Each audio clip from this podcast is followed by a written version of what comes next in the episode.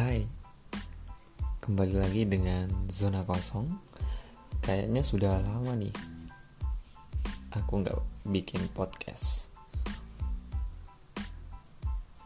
Kali ini kita akan membahas tentang lebih dulu mana smart city atau smart citizen. Artinya, lebih dulu mana kotanya yang pintar atau masyarakatnya yang harus pintar. Ini menarik nih. Kita bahas di podcast kali ini, pantengin terus sampai habis. Jangan di skip-skip.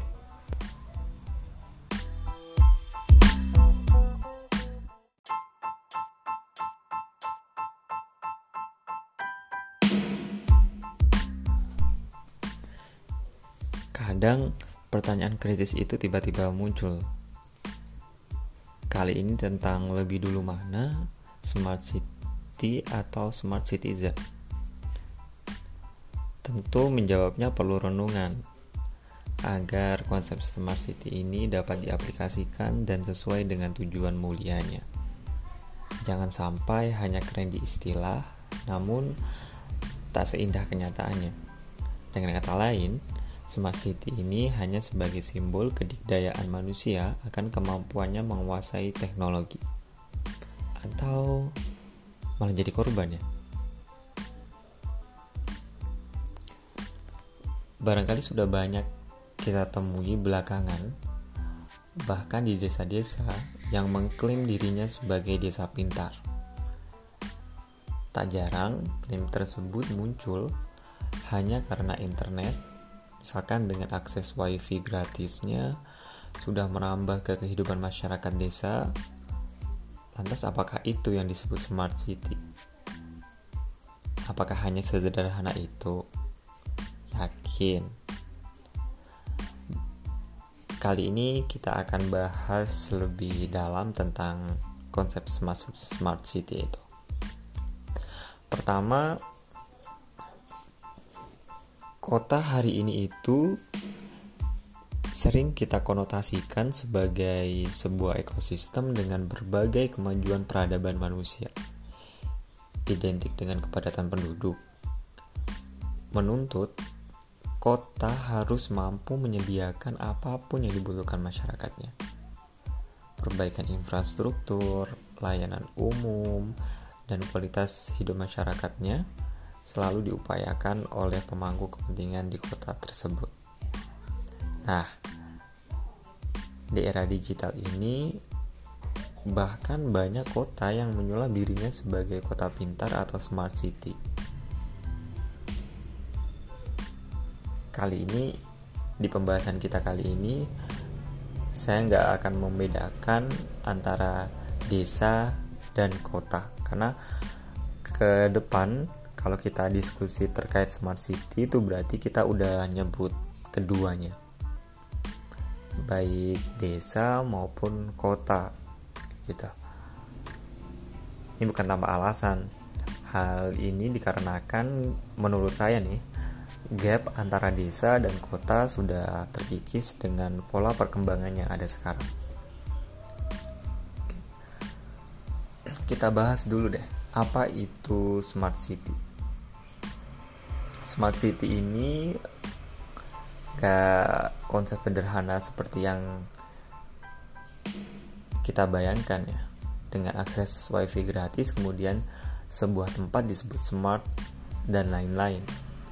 Jadi smart city ini bukan merupakan konsep sederhana dengan uh, eh, IT tentu sebagai pondasinya artinya apa?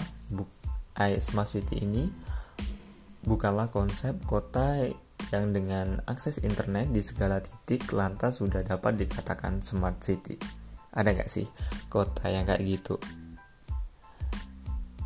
Harusnya jauh dari hal itu, smart city ini menekankan pada peningkatan kinerja sosial ekonomi, ekologi, logistik, bahkan kompetitif dari sebuah kota dengan cara mengintegrasikan kehidupan masyarakatnya komponennya mulai dari sumber daya manusia, infrastruktur, modal sosial, dan modal ekonomi dengan peran teknologi di dalamnya. jadi kayak Internet of Things gitu kayak di uh, Society 5.0 nya Jepang atau lebih umum di negara lain dikenal dengan revolusi industri 4.0 nah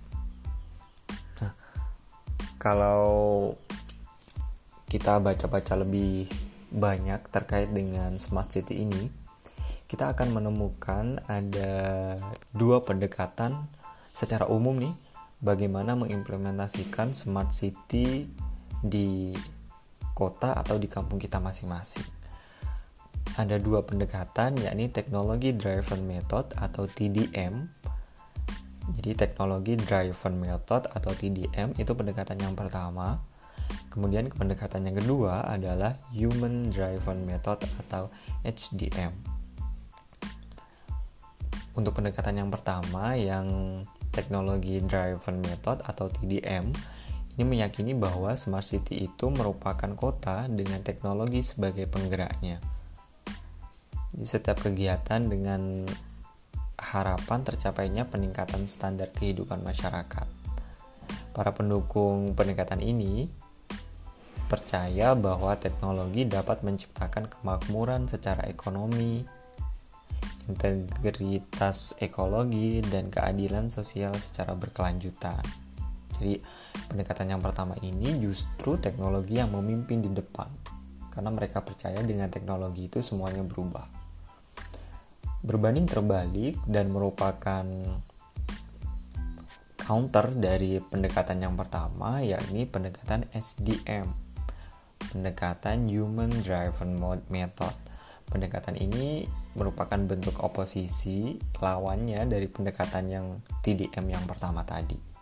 Jika TDM itu percaya teknologi adalah segalanya yang mendirect kehidupan manusia, namun justru di pendekatan HDM ini justru mereka percaya bahwa smart city harusnya digerakkan oleh manusianya itu sendiri. Jadi nggak hanya jadi objek, tapi manusia sebagai subjek dan pemain di sana. Sebagai kritik atas pendekatan yang pertama, yaitu pendekatan TDM, aspek keadilan sosial dan pembangunan berkelanjutan menjadi dua hal yang terdistorsi jika pengembangan smart city hanya fokus pada teknologi sebagai penggerak hingga kehilangan esensi kemanusiaannya dari masyarakat terus di suatu daerah. Ini menarik. Kita udah tahu sekarang ada dua pendekatan ketika kita ngomongin smart city yaitu pendekatan TDM yang pertama teknologi driven method. Yang kedua adalah human driven method. Kalian di kelompok yang mana nih? TDM atau HDM atau kalian masih bimbang? Ada di tengah-tengah. Ya itu sih terserah kalian ya. Baik, e, dua pendekatan itulah yang mungkin juga menjadi dasar bagaimana pemangku kepentingan dan masyarakat memandang bagaimana smart city ini diaplikasikan. Pengembangan kota pintar harus tidak diaplikasikan untuk lebih condong ke salah satu pendekatan. Benar nggak sih? Jika condongnya ke TDM yang teknologi driven method, maka muncullah kota dengan fasilitas yang serba modern namun tak mampu merubah kualitas hidup masyarakatnya teman-teman. Pun jika condong ke terlalu ke HDM maka terciptalah masyarakat yang pintar berteori namun nihil aksi. Mengingat tujuan besar dari keberlanjutan dari konsep smart city ini sendiri harusnya pengembangan dilakukan secara seimbang dan bertahap. Pendekatan yang menurut saya lebih cocok diterapkan di berbagai kota khususnya di Indonesia atau di desa kita masing-masing adalah pendekatan yang ketiga. Apa itu? Dia adalah pendekatan Integrated Driven Method atau IDM. Ini mungkin dapat menjadi solusinya. Jadi kita nggak condong ke human, nggak condong ke teknologinya, tapi kita menggabungkan keduanya mengintegrasikan. Melalui pendekatan ini, teknologi dan sumber daya manusia memiliki porsi seimbang dalam hal peningkatannya atau pembangunannya. Dalam pen pendekatan IDM atau Integrated Driven Method, terdapat beberapa tahapan nih. Jadi nggak ujuk-ujuk smart city. Yang pertama, tahapan di EDM ketika ingin diaplikasikan adalah smart citizen, cerdas masyarakatnya dulu, kemudian dari masyarakat yang cerdas, dia membangun digital city, di mana kota yang akses teknologinya sudah tinggi, baru nanti kalau akses teknologi itu berdampak pada peningkatan kesejahteraan dan berbagai aspek kehidupan di dalamnya menjadi lebih baik, barulah nanti menuju smart city. Jadi tahapannya ada tiga ya, ada smart citizen, digital city, baru kita bisa menuju smart city. IDM ini dikembangkan secara bertahap seperti yang sudah dijelaskan tadi smart city, digital city dan eh mohon maaf, smart citizen, digital city dan smart city. Untuk pengembangan yang pertama yakni smart citizen dalam tahap ini fokus pengembangan itu dilakukan dari aspek kualitas sumber daya manusianya. Jadi manusianya dulu yang dibangun. Dalam era revolusi industri 4.0 seperti saat ini, penguasaan teknologi dan literasi digital masyarakat perlu ditingkatkan. Hal ini dapat dilakukan dengan bekerja sama dengan lembaga-lembaga pendidikan, baik formal maupun non-formal. Jadi, tugas belajar itu tidak sepenuhnya diserahkan ke lembaga-lembaga pendidikan formal, tapi lembaga-lembaga pendidikan non-formal dari komunitas, dari berbagai hal di luar yang dari pemerintah itu juga perlu berkolaborasi. Yang tentunya harus menyesuaikan kurikulum dengan perkembangan zaman. Selain lembaga pendidikan, keterlibatan komunitas-komunitas yang memiliki visi dan misi selaras juga perlu dilakukan nih. Karena pengembangan masyarakat dengan keterlibatan komunitas akan lebih mengarah pada tujuan dibanding mandatori dari pusat kemudian eh, ke daerah-daerah. Atau oh, masyarakat setempat itu hanya menerima perintah gitu. Jadi nggak diajak untuk membangun bersama-sama ini yang kemudian penting bekerja sama ke berbagai lembaga pendidikan non formal terutama keterlibatan komunitas di dalamnya. Tahap pertama yang smart citizen ini juga berbicara mengenai infrastruktur yang harus disiapkan. Jadi nggak hanya manusia, di antaranya infrastruktur yang harus disiapkan untuk menuju smart city itu adalah kurikulum pendidikan, termasuk di dalamnya satras pendidikan. Kemudian aspek legalitas atau hukum itu juga harus jelas tuh ketika membangun ini kemudian pihak-pihak yang dilibatkan siapa aja kemudian serta infrastruktur secara fisik secara umum. Gak hanya di sekolah tapi fisik secara umum di masyarakat. Ini terdapat hal krusial teman-teman yang juga perlu diperhatikan. Yakni dimensi etika dan agama. Ini jangan lupa ya walaupun kita sedang membangun smart city tapi karena kembali lagi kita masyarakat yang beragama dan beradab tentunya dengan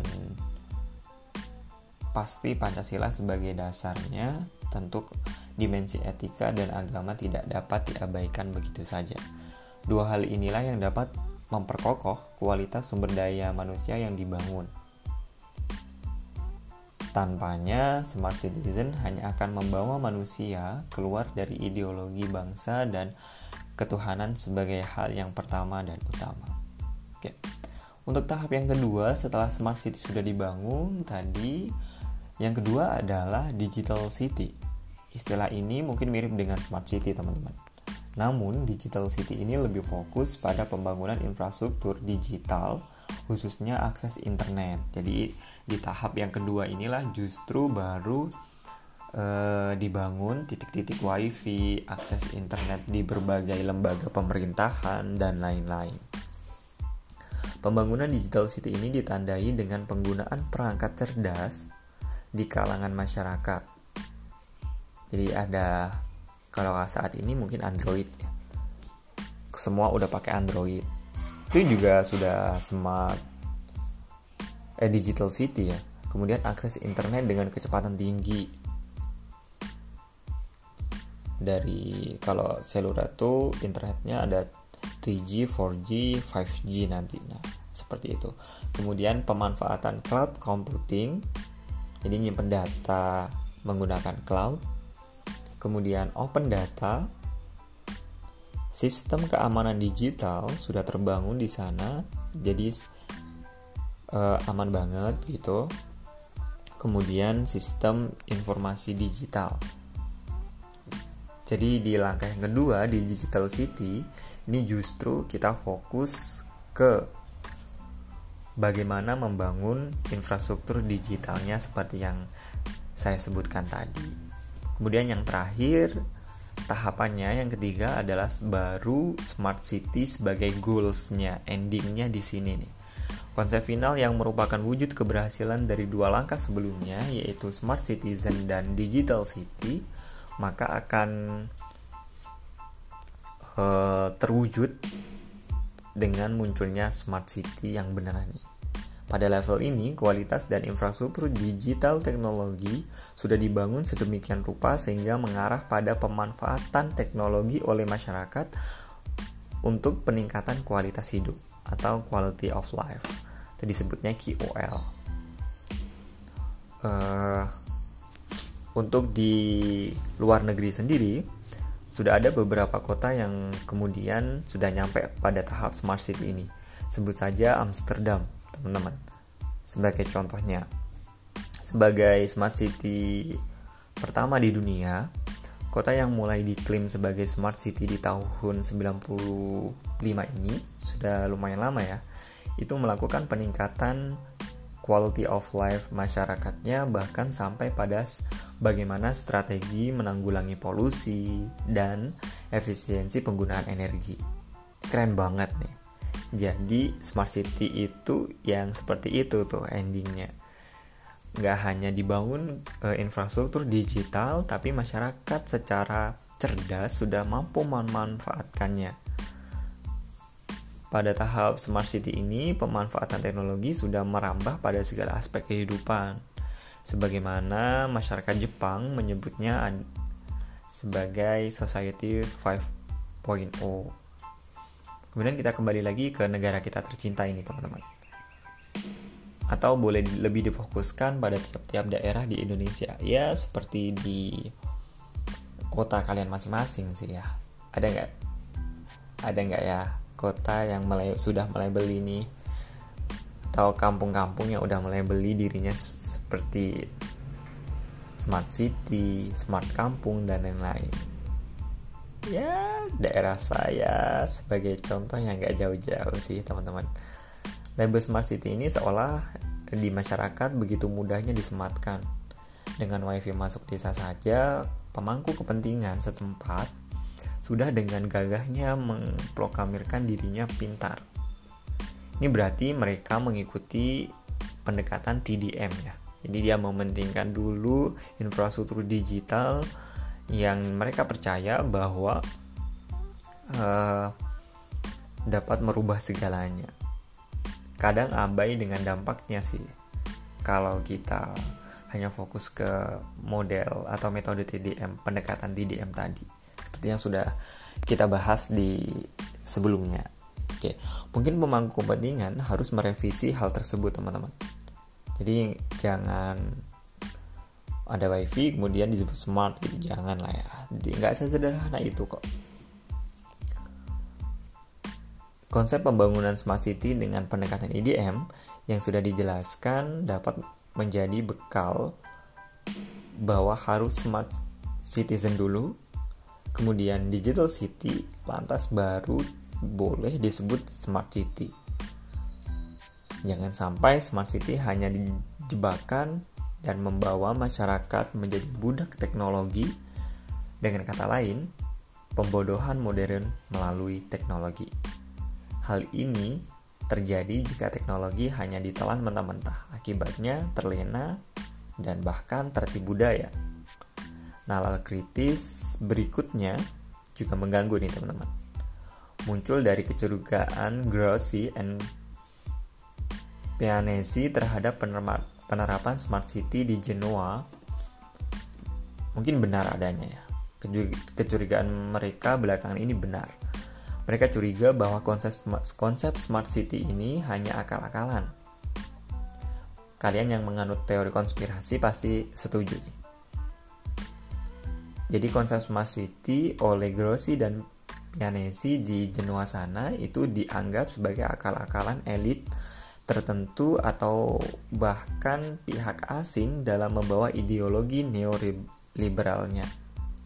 Sederhananya, smart city menurutnya hanya utopia, teman-teman. Di mana yang lemah dengan penguasaan teknologi yang rendah harus dikorbankan supaya yang kuat dalam hal ini negara dengan penguasaan teknologi yang tinggi bisa berkembang dengan bebas. Lantas apa gunanya disebut smart kalau seperti itu? Bener nggak sih